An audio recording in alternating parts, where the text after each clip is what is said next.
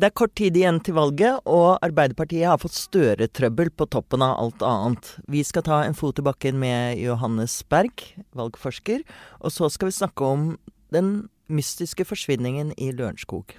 Og med meg i studio er Ola Magnussen Rydje. I think it's a disgrace. Jeg syns det blir litt spesielt. At Dagbladet driver med Donald Duck-journalistikk, det kjenner vi alle til. Men dette holder ikke. Du snakker jo bare arbeidslivet. Helt useriøst. You are fake news. Go ahead. Vi må snakke litt om dette Støre-røret. Eh, Jonas Gahr Støre er igjen, utrolig nok, eh, tatt med pengene ute, får vi kanskje kalle det. Med eh, Millionæren Støre har jo plassert eh, pengene sine i et fond, og dette fondet har for sikkerhets skyld da investert i i et uh, såkalt velferdsselskap. Uh, altså dette Stendi, som er etterkommeren etter Aleris omsorg. Uh, og egentlig så er jo ikke det Normalt ville ikke det være en katastrofe. Han har rett og slett gjort som veldig mange andre nordmenn. Plassert pengene sine i et fond som da investerer i forskjellige selskaper. Uh, og han har ingen direkte innvirkning på hvordan den investeringsprofilen er. Men det blir jo litt trøbbel når det er snakk om Jonas Gahr Støre. Både fordi at det blir så mye oppmerksomhet om disse pengene hans igjen, men også fordi at han har eh, gått veldig hardt ut mot disse eh, selskapene som investerer i eh, barnehager og omsorgsselskaper, og som han mener skummer fløten av staten, statens penger. Men Geir Ramnefjell, er dette en liten fillesak som vi blåser ut av alle proporsjoner? Eller kan den faktisk få konsekvenser for Jonas Gahr Støre? Den er jo på en måte begge deler. Eh, isolert sett en fillesak, men fordi eh, fordi dette er noe som har gjentatt seg eh, flere ganger. Det skjedde jo også før eh, forrige valg, at eh, pengene hans eh, og hans plasseringer kom i, kom i sentrum. Så, så, så, blir det også et, det blir et problem for han personlig. Altså det passer på en måte inn i karikaturen av, eh, av Jonas eh, Gahr Støre som rikingen. Men dessuten så svekker det ham politisk, fordi denne gangen så handlet det om, som du sa, om uh, investeringer i velferdsbedrifter.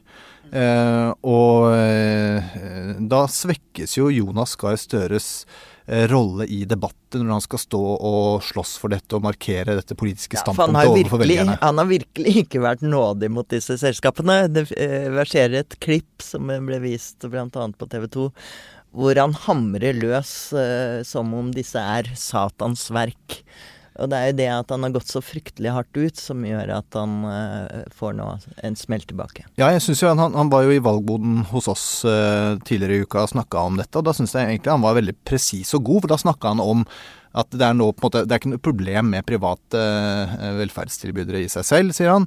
Men problemet er nå at nå har store internasjonale oppkjøpsfond sett at her er det penger å hente, og dermed så kjøper de opp og slår sammen og på en måte gjør som de er egentlig da skapt for å gjøre. Altså disse, disse oppkjøpsfondene de Eh, ser seg ut bransjer, de ser hvor det er på en måte penger å hente, og så effektiviserer de. og Det er på en måte som en funksjon i kapitalismen som, som, som egentlig er helt grei, men, men, som han mener da ikke passer innenfor dette, og som han har argumentert presist mot. Og så har han da investert i noe av det samme.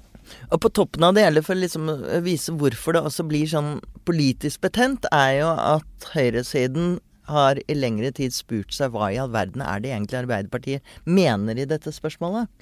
For de har en veldig kraftig retorikk. Men når det kommer til handling, så er de litt som du snakker om, litt sånn mer balansert. Mens eh, hver gang eh, når de står på talerstolen, så høres de av og til ut som om de er Bjørnar Moxnes. Ja. Og vil forby alle kommersielle aktører. Ja, nei, det er, det er klart det at, uh, at, de har jo en mer balansert tilnærming, og da må man jo uh, legge litt krutt i, i, i uttalelsene sine, tross alt. da, ikke sant, for at, eh, for at de, eh, den balanserte tilnærmingen skal på en måte nå fram til eh, velgerne. At de skal oppfatte hva som på en måte, hvilken, hvilken vei du heller i det politiske spørsmålet der. Så, så, det er jo det som blir vanskelig for, for Arbeiderpartiet at, og Jonas Gahr Støre. at fra før av så jo han, sliter jo han med å på en måte gjøre, gjøre seg, eller vinne valgkamper. Eh, og når han på en måte svekkes som frontfigur for de viktigste politiske sakene til Arbeiderpartiet, Eh, så kan man kalle det en fillesak alt man vil, men så lenge det blir en sånn der diskusjon om liv og lære, og eh, så lenge politiske motstandere kan vise det, eller bare det ligger i bakhodet til folk som ser valgsendinger at ja, men har ikke han hatt en mm. plassering, mm. så, så svekkes det. Ola, er du Nei, jeg bare tenkte en forklaring på, på vinglinga eh, kan jo være at de, da de rød-grønne gikk ut av regjering, så var jo f.eks. antallet ideelle barnehager ganske høyt, mens antallet kommersielle barnehager ganske lavt. Eh, men det har jo snudd eh, i etterkant. Her har jo antallet kommersielle barnehager blitt eh, veldig mange, og så har de ideelle falt. Eh, så det at liksom, det har jo vært en stor endring også i landskapet eh, de partiene på venstresida skal kommentere, siden siden den blå regjeringen uh, tok over makta. Så det kan jo være en av grunnene til at de ikke har konkludert hardt. Nå er jo bildet et annet enn da de tok over. Nå har han gått veldig hardt ut, og jeg er jo helt enig i at dette ser jo ikke bra ut. Uh, eller han kommer jo ikke godt ut av det, da. Uh, sånn sett, selv om selve Men, handlingen her, det at han har tjent hva er det, noen hundre kroner på på det, det er jo ikke Men er det, det liksom uh, mulig for en partileder i Arbeiderpartiet å være rik? Det er jo det du snakker om. Eller som Hegnar sier, han mener jo at han er bare litt velstående. Han sier det er helt mis misvisende å kalle ham rik. 82 millioner er ja, ingenting. Ja. Men, men er det Eh, altså, Geir, du skriver i en kommentar at eh, hvor du snakker nettopp om det at han er fra Oslo vest, og det, at det kanskje vel så mye Uavhengig av hvor mange penger han har på bok, så er det det som liksom er en litt sperre mellom han og Arbeiderpartivelgerne, eller folk flest, kanskje? Ja, det er jo noen som er sånn kategorisk som sier at eh, Arbeiderpartiet kan ikke ha en partileder som er millionær. Og det syns jeg blir for dumt. Altså sånn han kommer fra Oslo vest, og han, eh, han, Det er bare han Og det er og, ingenting galt i det, kjære lytter. sier Marie Simonsen, som også kommer fra Oslo vest, men nå på kampen. Men, eh, men, men det som er problemet, er at Eh, det er jo, danner jo på en måte karikaturen av Jonas Gahr Støre som uh, Oslo Vest-mannen som oppfyller alle på en måte uh, alle, eller fyller av i alle, tikker av i alle boksene når det gjelder Han snakker pent, han er rik, han er velutdannet, uh, han ser flott ut. Vet ikke om det er noe Os typisk Oslo Vest-fenomen. Det er det gode gener. ja, det er gode gener. Men, men, men det er jo også veldig mange andre politikere i Norge som har på en måte Eh, karakteristika som er lett å på en måte overdrive eller karikere, eh, det er ikke nødvendigvis noe problem. fordi hvis folk på en måte angriper deg for bakgrunnen din på en ufin måte, så er jo det noe som preller av, det blir jo oppfatta som eh, ufint. Problemet her er jo at han på en måte mater den karikaturen da, med, med, disse, med disse sakene. Men Støre klarer jo heller ikke å bruke det at han har mye penger til sin fordel retorisk heller. Altså han, øh, han kunne jo snakka om formuen sin på en måte som å si at vet du hva, jeg er helt sykt privilegert. Jeg har masse penger, mer enn de aller fleste, er langt unna flere folk, og jeg har lyst til å kjempe for at sånne som meg skal betale mye mer skatt enn det de gjør i dag. Og han sier det jo til en viss grad, men han, han begynner, men han begynner ofte med å si jeg er veldig stolt av arven jeg har fått min bestefar som har skapt arbeidsplasser og liksom satt disse pengene, og nå setter jeg de videre ut i livet til at de skal være med å skape arbeidsplasser Jeg ser dette er historien som vi i Arbeiderpartiet, hvis du ser på Arbeiderpartifolk i Facebook, så forteller de akkurat den historien. Så det er blitt talepunktet nå, at de skal være stolt av bestefar Støre som skapte Jøtul. ja, jeg, jeg, vet ikke om jeg syns det er en så veldig god idé. Altså, heller være mye mer klar på altså, hvor langt unna og hvor mye mer privilegert både han og familien er. Eh, og barna hans kommer til å være når de arver de pengene er skattefritt. Så, sånn sett kunne Arbeiderpartiet heller argumentert mer for, eh, og brukt det mer, da. At det er akkurat eh, men det er, i hvert fall et eller annet som mangler i Jonas Gahr Støres takling av dette her. Og, og, det virker som om han blir mer og mer bundet opp av det også. Han blir veldig redd for å tråkke feil og si noe feil. Og hver gang noen nevner disse pengene, så ser du at han blir Det går helt i kryss for ham. Mm. Og han tenker at uansett hva han sier nå, så kommer det til å bli feil oppfattet. Ja, altså det blir jo, det, altså Sånne saker som dette blir jo først virkelig problematiske idet det kommer en sånn blank nyhetssak, som det gjorde med NRK denne uka. Eh, og som det ble da denne avisa, altså Dagbladet, eh, publiserte en artikkel om at han hadde investert i byggeprosjekter eh, i Det var da i 2017 foran stortingsvalget, som gjaldt Um, hvor det viste seg at de byggeplassene hadde dårlige arbeidsvilkår og folk på såkalte løsarbeiderkontrakter og sånn. Det, det rammer han politisk. Um, men han har da prøvd å, å sikre seg ved å, å, ved, å, ved å, overlate investeringene til, til, til DNB. Um, men det viser jo seg det at dette ikke er godt nok uh, for, for, uh, for, offentligheten. Eller altså, det er ikke en slags sånn Det er ikke en politisk sikring. Han burde lagt dem i madrassen. Nei, men Han burde ikke nødvendigvis ha lagt dem på madrassen, men han kunne ha f.eks. ha plassert dem, eh, i hvert fall blant de kildene jeg har snakket med, at man kunne f.eks. ha plassert dem i et sånt globalt indeksfond. Det blir veldig teknisk, men, men det minimerer i hvert fall uh, sjansen for at, uh, for at, en eller annen journalistsmarting finner en eller annen ting som kan oppfattes som en dum plassering for en, uh, for en arbeiderpartileder. Eller kanskje vi skal begynne å oppfordre han til å gi de bort, er ikke det riktig for en arbeiderpartimann?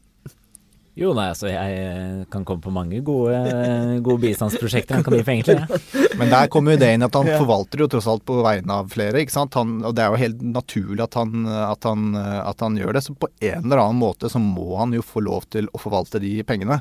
Men det er jo litt rart at når en NRK-journalist eller to eller tre kan finne denne plasseringen i et velferdsselskap, så burde jo også en en Arbeiderpartirådgiver eller to kunne liksom følge med og oppdage det og stoppe det. Eh, jeg er enig, det reflekterer faktisk veldig dårlig på Arbeiderpartiets økonomiske styring, dette Nei da. Vi skal snakke eh, mer om, eh, om, hvordan dette påvirker valget, hvis, hvis det gjør det, med valgforsker Johannes Berg.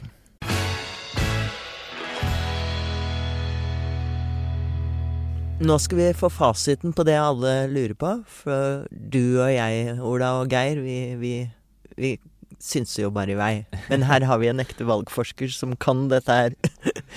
uh, vil Jonas Gahr Støre-saken ha noen konsekvenser for Arbeiderpartiet, tror du det? Jeg tror ikke den saken i seg sjøl har så store konsekvenser. Den virker jo på meg ikke som så alvorlig. Eh, men så kan man si at eh, den saken kommer jo til, i et større bilde. Det har vært lignende saker tidligere. Eh, Arbeiderpartiet ligger jo litt dårlig an på meningsmålingene og får mye negativ omtale i utgangspunktet. Eh, så på toppen av det, så er det jo ikke noe gunstig for Arbeiderpartiet med en sånn sak. Ja, og nå må de bruke tid og krefter på dette her. Nettopp. Det er, det er, akkurat det som er problemet. At det kan bli en sånn egen dynamikk ja. i sånne saker ja. som skaper negativ omtale, og som gjør det vanskelig for dem å snakke om egne saker. Johannes Berg er, eh, for de som eh, følger podden trofast, og det gjør dere vel alle sammen, eh, vår, vår, faste valgforsker ved Institutt for samfunnsforskning. Det var hyggelig at du kommer her nå sånn vi, har sagt at egentlig nå begynner valgkampen på ordentlig, fordi at vi endelig har fått dette, denne bompengeavtalen og ryddet det litt ut av nyhetsbildet, i hvert fall. Men hvordan ser det ut nå? Eh, er det ti dager før valget eller noe sånt? Ja, jeg har mm. ikke glemt å sjekke kalenderen her. Men uh, er det det samme bildet som vi så ved inngangen til valget, med disse protestvalgene, samling rundt Senterpartiet mm. og fløypartier? Ja, altså det store bildet er jo virkelig at det er protestpartier, mindre partier, som går frem, som gjør det bra. Uh, mens Arbeiderpartiet og de mer etablerte partiene, også regjeringspartiene, uh, sliter på målingene. Så, så det, det, bildet har jo egentlig bare styrka seg uh, i løpet av valgkampen. Og, og særlig den, den, grønne bølgen da, med Miljøpartiet De Grønne, som, som virkelig har noen skikkelig gode målinger for tiden. Det, de, de hadde de har... en utrolig måling nå nylig, det var vel i VG eh, i Oslo, hvor, hvor de var på over 18% og Arbeiderpartiet var nede på 19 så der snakker vi virkelig at uh, lillebror er i ferd med å innhente storbror. Helt klart. helt klart, og, Miljøpartiet De Grønne er jo ikke et gammelt parti i norsk sammenheng, så, så det er virkelig uh, historisk hvis, hvis, noe sånt skulle skje i, i valget. Og, og det skaper jo en helt annen situasjon i norsk politikk, egentlig. At, at, de små partiene tar igjen det store, dominerende Arbeiderpartiet, som ikke lenger er et liksom selvsagt styringsparti. Så man kan jo tenke seg til at forhandlingene i Oslo eh, etter valget om det nye byrådet kan bli litt vanskelige. Men så dårlig som det går med Arbeiderpartiet rundt omkring eh, Vi har jo sagt flere ganger her i poden at vi snakket om at selv om Arbeiderpartiet gjør et dårlig valg, så kan de gjøre et godt valg fordi de kanskje vinner byene. Mm. Hvis det er stang inn, i hvert fall. Ja, det er jo litt det samme bildet som man ser uh, også i Trondheim f.eks., hvor de mm. taper oppslutning en masse, uh, vil da slite ja. med store småsøster, småbror-partier. Uh, ja. Men det kan jo glippe også. Altså både i hvert fall i Bergen kan det glippe, hvis jeg ikke får mm. med seg alle. Hvis uh, Arbeiderpartiet gjør det så dårlig som det ligger an til nå. Mm. Ja, ja, det kan uh, glippe. Det blir sikkert spennende valg uh, mange steder. Men, men, det er klart, vi, vi, lever egentlig i en slags sånn grønn bølge, og en, en rød-grønn bølge av velgere som går mot den rød-grønne siden. Eh, men, men, det klarer ikke Arbeiderpartiet å utnytte seg av. Blokken holder seg? Blokken ikke bare holder seg, men vokser mm. ja, egentlig ja, fra, fra, tidligere. Så, så, det ligger jo an til uh, rød-grønt styre veldig mange steder. Problemet for Arbeiderpartiet er at, at de ikke lenger er det dominerende partiet. De er bare ett av flere partier på rød-grønn side. Mm. Men eh, MDGs vekst er jo litt interessant, som du var inne på. Så er det jo ikke De er et relativt ferskt parti, i hvert fall på dette nivået. Mm, mm. Og, eh, og, de har jo kalt seg selv blokkuavhengig. Det insisterer de stadig på. Jeg vet jo ikke helt om jeg tror på det, men eh, De virker jo ganske godt uh, slått til ro på venstresida foreløpig, da. Men uh, nei da, forsvarene kommer jo hele tiden. Hver gang noen sier at dere, dere er et, uh, et venstresideparti, altså en melon, da dere er grønn på utsida og knaller jo inni. Ja, og det er vel gjort noen undersøkelser om velgerne deres også, at de, de, befinner seg på venstresiden. Men selv sier de at det eneste partiet de ikke kan samarbeide med, er vel Frp, da. Men dette gjør jo at det er flere som er ute og fisker. De ser liksom at denne store vannmelonen som vokser seg større og større, den vil vi også ha en bit av. Og senest i Oslo så var det Venstre og KrF som begynte å si at kanskje vi kan snakke sammen. Mm.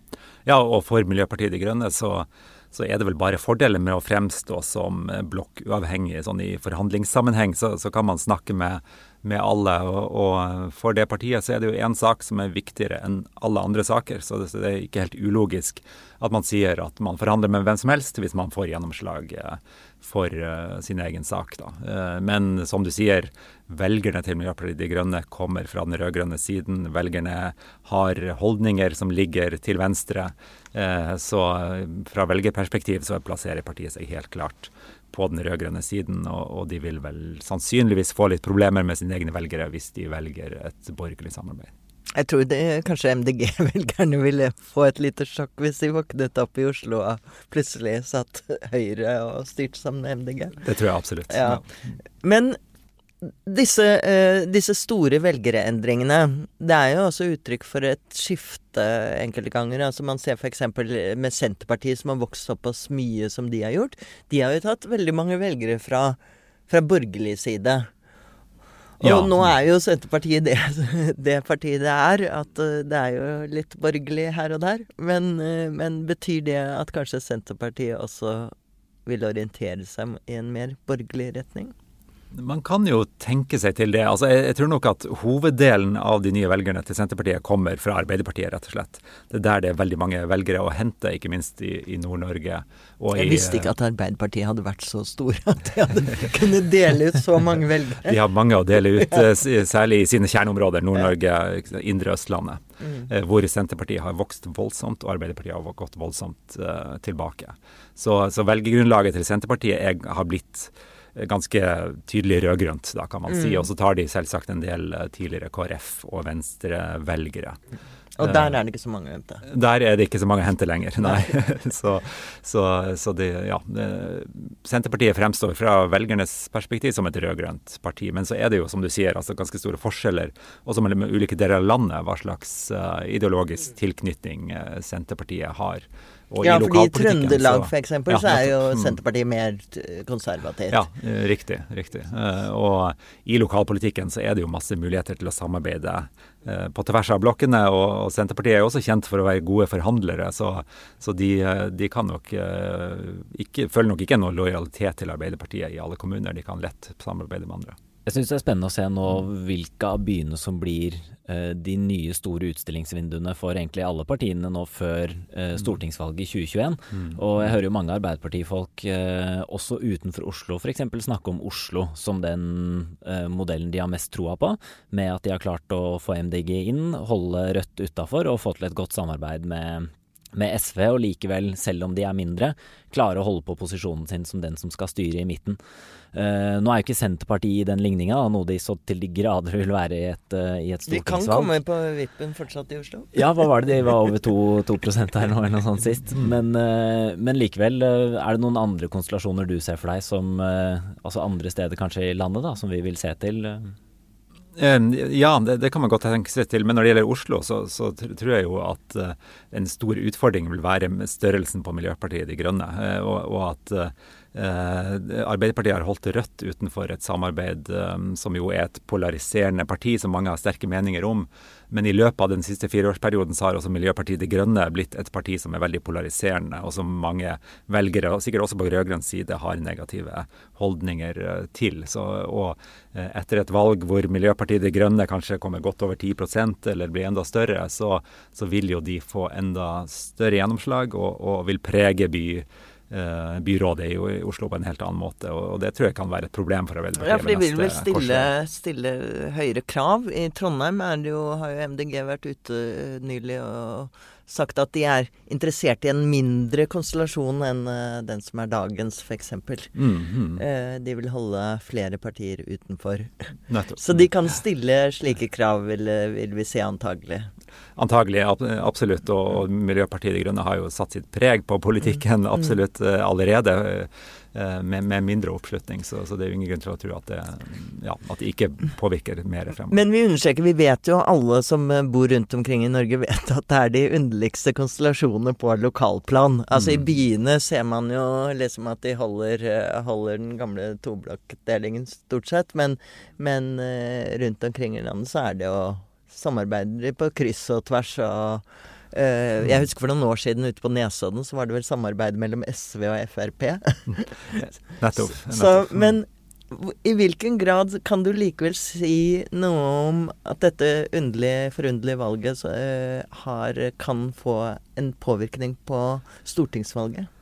Ja, jeg tror nok uh, lokalvalget er jo alltid en litt sånn forsmak på hva som skjer videre fremover. Og, og som vi har vært inne på, så er jo Eh, de ulike måtene byene blir styrt på, eh, hva slags konstellasjoner som finnes rundt omkring i landet, eh, er jo ofte en forsmak på hva som skjer på nasjonal politikk. Lokalpolitikken er et sted hvor man kan eksperimentere litt med både styringsformer og, og samarbeidsformer. Så jeg tror, jeg tror nok at de samarbeidene man ser rundt omkring i byene, vil være viktige. Og et annet parti som er verdt å nevne da, er jo partiet Venstre, som, som sliter på meningsmålingene, som, har, som, er et slags byparti. Eh, hvis de ikke kommer i posisjon noen steder og, og, og får, um, ja, og faller utenfor politisk innflytelse de neste to årene, så, så, tror jeg de vil få en enda vanskeligere jobb ved neste, neste stortingsvalg. Fordi de har ikke noe å vise til liksom, på, på, lokalt nivå. Eh, regjeringssamarbeidet har jo vært uh, vanskelig for partiet og, og, har ikke gitt dem noen nye velgere, i hvert fall. Men vi fikk jo en kjempeseier i bompengesaken, er vi ikke enige om det, Ola? altså, jeg tror faktisk mange, da, for å ta det litt i forsvar, liker litt den tøffe tonen Venstre har satt opp mot Frp. Altså, de har jo lenge vært kritisert for å være en en skikkelig rævdilter etter uh, eh, FrPs politikk. Og jeg tror, uh, jeg tror, at de har nå stilt litt mer ultimatum, uh, gått imot, sagt imot. At det, det er noe som kan friste mer, da, fordi en del av de gamle klassiske venstrevelgerne. Men hvilket utslag de gjør, det, det vet jo ikke jeg. Nei, det er ikke godt å si. Altså, Venstre har jo hva skal man si, kranglet med Fremskrittspartiet i, i, i fire år før forrige stortingsvalg også, og det ga jo ikke noe god uttelling, det heller, altså med alle de budsjettprosessene som, som var veldig vanskelige. Så, så, det er nok eh, De, de finner, befinner seg i en, en skvis hvor, hvor, det er vanskelig å appellere til velgere. Men du har inntrykk av at uh, kanskje nettopp fordi at det er litt sånn kaotisk tilstander og mye bevegelser, at uh, de etablerte partiene likevel prøver å holde på blokkene i større grad enn før? At de oppfordrer veldig sine til å samarbeide f.eks. innen det rød-grønne og innen regjeringspartiene. Mm, er mm. det Absolutt. og for, Både for Arbeiderpartiet på den ene siden og Høyre på den mm. andre siden, så, så er jo det å holde på blokksamarbeidet ja. eh, oppskriften på å, å, mm. kunne danne styringsdyktige regjeringer. Eh, og, og, det er klart at hvis man ikke får det til på lokalt nivå, så får man det heller ikke til på, på nasjonalt nivå. Så, så det er nok viktig for de partiene. Ja, nå er det bare å, å, glede seg til den valgkampen som nå skal bryte løs med diverse lokale saker. Eh, Johannes, eh, helt til slutt, syns du at det er, er det har de egentlig så grunn til å, å, syte? Altså, de syter alltid over at rikspressen bare snakker om nasjonale saker. Mm. Men det er det ikke sånn at det pågår masse lokale valgkamper rundt omkring likevel? Det er akkurat det det gjør. Altså Norsk eh, lokalvalg er veldig lokale. Eh, og vi har masse lokalpresse rundt omkring, og folk snakker om lokale saker, er opptatt av lokale saker. Og mange steder så kjenner man jo kandidatene som stiller til valget osv. Så, videre, så det har et veldig lokalt preg mm. som, som, naturlig nok ikke kan reflekteres i liksom, den daglige mediedekningen på nasjonalt nivå. Så jeg er bare misfornøyd med at det ikke er toppoppslag i, uh, i Dagsrevyen hver kveld. Nettopp. Det er kanskje litt. Men uh, tusen takk, Johannes, for at du kom uh, hit opp til Hasle. Bare hyggelig. På bygda i Oslo. og vi kommer nok til å invitere deg igjen. Gjerne det.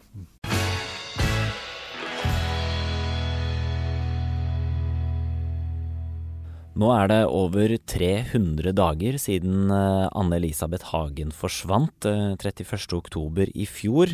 Eh, og journalist Audun Hageskall, hvor står denne saken nå?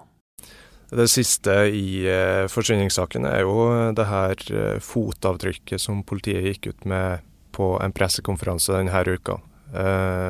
Avtrykk fra en sko som er funnet i eh, boligen der Anne-Elisabeth eh, Hagen forsvant fra.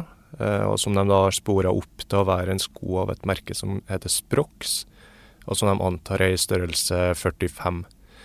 Eh, og denne ble da, Det ble funnet avtrykk av denne skoen eh, flere plasser i huset, men særlig på et, eh, et rom der de mener, mener er svært sentralt da, i etterforskninga. Riktig, og det tyder da på at det er én person som har vært der, eller kan det ha vært flere? Det er jo et godt spørsmål. Uh, per i dag så mener i alle fall politiet at uh, det her er et avtrykk som tilhører en gjerningsperson. Årsaken til det er at man har funnet en rekke fot- eller skoavtrykk i, i, boligen, men man har da klart å knytte resten av avtrykkene som er funnet, til personer som har vært der, og som man vet hvem er. Uh, mens det her siste avtrykket da, fra denne Sprox-skoen er eh, ikke identifisert en eier til. Men så har man jo så klart da åpenheten om at det kan være flere personer som har vært inn der med samme type sko i samme størrelse, men det er iallfall identifisert spor av den type skoene. I slike saker er vel tekniske spor eh, veldig viktig for politiet, men hvor godt er egentlig et fotavtrykk? Altså hvor, man, eh, hvor mye er det å gå etter? Ja, det, det er jo eh, veldig interessant, eh, eh, et veldig interessant spor å følge. Du har uh, veldig mange usikkerhetsmomenter rundt det her avtrykket, hvor mye, hvor mye, svar man vil få ut av det. Først og fremst så er det jo solgt uh, ganske mange av de her skoene. Politiet sa i går at det er nærmere 1600 salg man ser på i perioden uh, august 2016 til mai i år. Så altså en lang periode. Um, og i tillegg så, så har man jo da klart å samle inn data for de kjøpene som er gjort med kort. Så man sitter igjen Det man etterlyser nå, er hovedsakelig tips eh, fra dem man sitter igjen som er betalt kontant. Det er rundt 300 kjøp. Og eh, så, så, spørs det jo da om man klarer å spore opp de her personene. Men for, for å ta det du spurte om med, med hvor godt et sånt, uh, sånt avtrykk er som bevis, så mm. vil det jo i tillegg til eh, selve avtrykket og mønsteret i sålen, der man har kommet så langt at man har et merke, så vil det jo være eh, kan si, I likhet med et fingeravtrykk, så vil du ha forskjellige eh, eh spesielle merker som skyldes f.eks. bruk av skoen. Du kan ha tråkka på en spiker, du kan ha tråkka på en stein, en kant, fått ei skrape i sålen, som da gjør den relativt unik, og som gjør det lettere å knytte den sålen da opp imot det avtrykket man har funnet. Eh, det virker jo som at uh, politiet har en svært vanskelig oppgave med å skulle uh, nøste opp også ut fra dette sporet, men, men ta oss litt tilbake. Hva er, hva, er liksom, hva er, historien her? Historien strekker seg tilbake til 31.10 i fjor. Da forsvant Anne-Elisabeth Hagen fra sitt hjem i Sloraveien på Fjellhamar, like utenfor Lørenskog. Um, hun var hjemme alene i uh, boligen som hun bor i sammen med ektemannen Tom Hagen, som er en av Norges uh, rikeste personer. Og siste spor som man er sikker på er et livsbevis av, fra Anne-Elisabeth Hagen, er en telefonsamtale til et familiemedlem gjort klokka 09.14 denne morgenen. Eh, og det tok jo lang tid før eh, politiet gikk ut med saken. De fikk vite om det i januar, var det sånn? Nei, politiet fikk vite om uh, saken relativt Jo, men uh, allmennheten, mener jeg. Allmennheten fikk vite om saken uh, 9.1 i år, altså ti uker etter forsvinninga. Da gikk politiet ut på en pressekonferanse på Lillestrøm og fortalte om forsvinninga, og at de etterlyste informasjon fra folk som kunne ha sett noe i, i området rundt boligen. Og siden har vi jo hørt om uh, løsepengekrav, det har vært uh, diskusjoner om uh, hvorvidt både politiet og familien tror at hun fortsatt er i live eller ikke. Hvor, hvor står det nå? Status der er at siste kontakt med de antatte gjerningspersonene har vært i form av meldinger. Det, her, det har kommet flere meldinger i etterkant av 31.10, men den siste kontakten skal ha vært den 8 juli i år. Etter det så, så, har det ifølge både politiet og eh, bistandsadvokat til familien eh, Svein Holden ikke vært mer kontakt mellom, eh, mellom familien og de antatte gjerningspersonene. Hvor vanlig er det at vi får svar i, i slike saker? Nei, Denne saken er jo veldig unik i seg sjøl, og spesielt i norsk sammenheng. Vi har uh, egentlig ingenting det kan sammenlignes med uh, i, i uh, omfang, og det, dermed blir jo spørsmålet relativt åpent. Men man har jo politisaker som, som etterforskes i lang tid, der man står igjen uten svar. og så blir det det som tilsynelatende er en, en såkalt kald sak, da, at det ikke skjer noe som helst. Og så plutselig dukker det opp en, eh, et spor eller en løsning. Det kan være nye analyser med nye, nye tekniske metoder som blir utvikla. Det kan være eh, vitner som plutselig tar kontakt eh, etter mange år, og som da gir den brikken som skal til for at puslespillet skal løses sjøl eh, mange år etter at uh, hendelsen har funnet sted. Hva er neste checkpoint, uh, hvis man kan si det sånn, i, i den saken nå? Hva er det neste vi kan vente oss uh, av utviklinga? Det det er jo alltid spennende å, vente på neste. Eh, I forhold til det skosporet, så er det nå Norge politiet konsentrerer seg om. Eh, kjøp som er gjort i Norge, selv om eh, denne skoen selges over eh, i alle fall store deler av Europa og andre land i verden òg.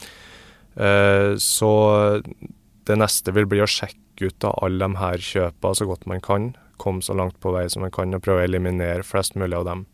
Så spørs det da på hvilket tidspunkt politiet finner ut at nå kan de gå ut med mer informasjon om, om kjøpa, eller om de da går ut med at nå har de gått videre og løfta blikket og undersøker andre land i Europa. Ellers er det før sommeren, eller i sommer, så fikk vi høre at de har kommet et stykke på vei i undersøkelsene av det her brevet som ble funnet i eh, i huset etter at Anne-Elisabeth uh, forsvant.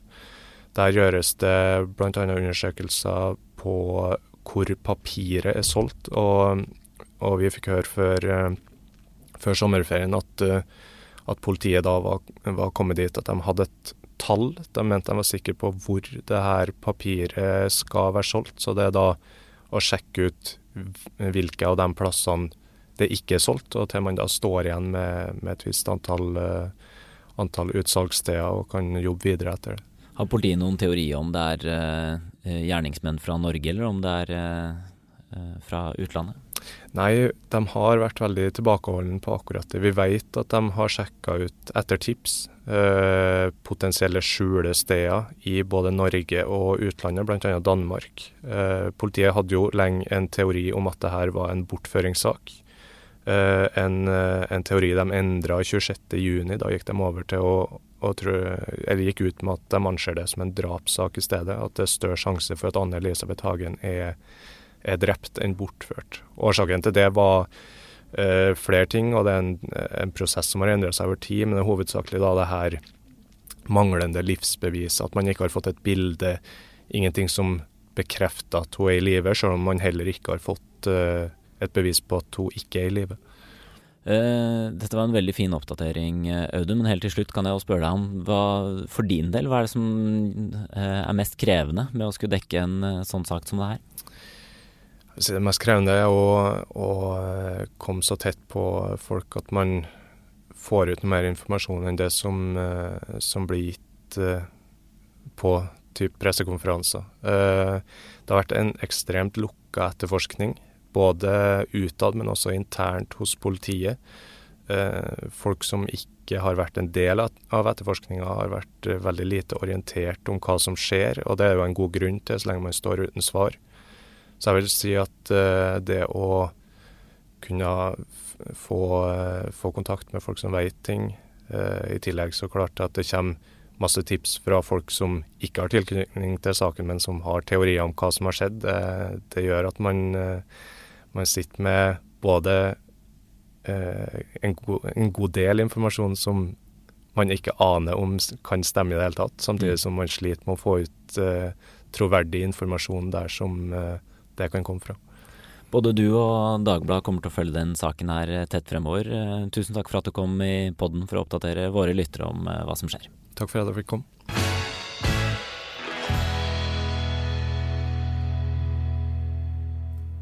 Det var det vi hadde i denne ukas episode av Siste med Marie Simonsen. Tusen takk for at du hørte på, kjære lytter. Du vil høre oss eh, flere ganger eh, i uka, antageligvis nå frem mot valget. Eh, og i mellomtida må du ha en riktig god helg.